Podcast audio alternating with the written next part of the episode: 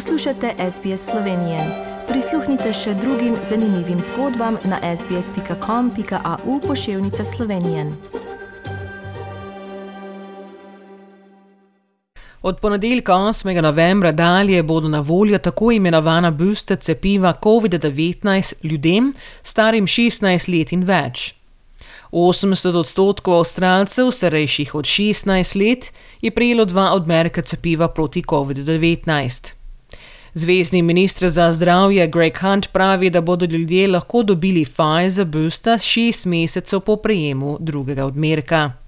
We have enough vaccine in the country to vaccinate everybody uh, who comes due. And so, as your six months has passed, um, then uh, you will be eligible to, uh, to come forward. Avstralija se je pridružila Izraelu kot ena redkih držav na svetu, ki je omogočila booster cepiva COVID-19, ki bodo na voljo vsem prebivalcem. Oskrbovanci domov za ostarele so to pretekli teden začeli prijemati. Booster cepiva ne bodo obvezna, vendar pa vodja uprave za terapevtsko blago profesor John Skerritt poziva vse naj si ga priskrbijo. It definitely gives extra protection against severe disease, particularly for uh, older Australians and those uh, that are in that vulnerable group. You'll remember uh, last year with that 1A and 1B. We're not prioritising this time around, but um, they will be the ones that will be first to get to that six month uh, period. Viktorija pa je pravila glede zdravstvenih izjem pri cepljenju. Od petka 29. oktobra dalje se bo za zagotavljanje dokazila o zdravniškem izjemu iz cepljenja uporabljal le obrazec Australian Immunization Register Medical Exemption Form. Ljudje, ki imajo trenutno standardno pismo o oprostitvi od osebnega zdravnika, se bodo morali k njemu vrniti, da izpolni nov obrazec.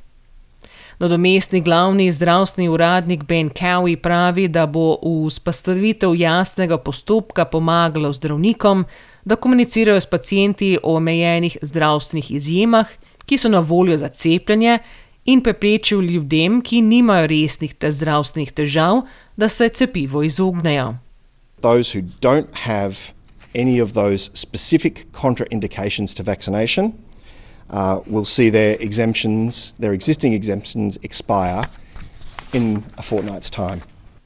Globalni nasvet avstralske zvezdne vlade Ne potuj je bil odstranjen s spletne strani Smart Travel v skladu z odpravo omejitev mednarodnih potovanj 1. novembra.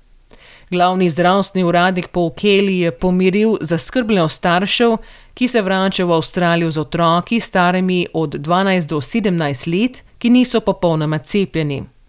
Kelly pravi, da hotelska karantena ne bo potrebna, če pristanejo v New South Walesu ali Viktoriji, vendar morajo biti v karanteni doma.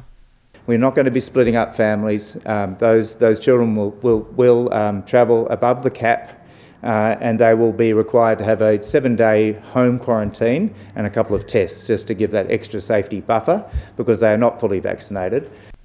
Ker je vse več držav odprtih za mednarodne potnike, je pravičnost cepiv še naprej težava v Afriki in državah v razvoju.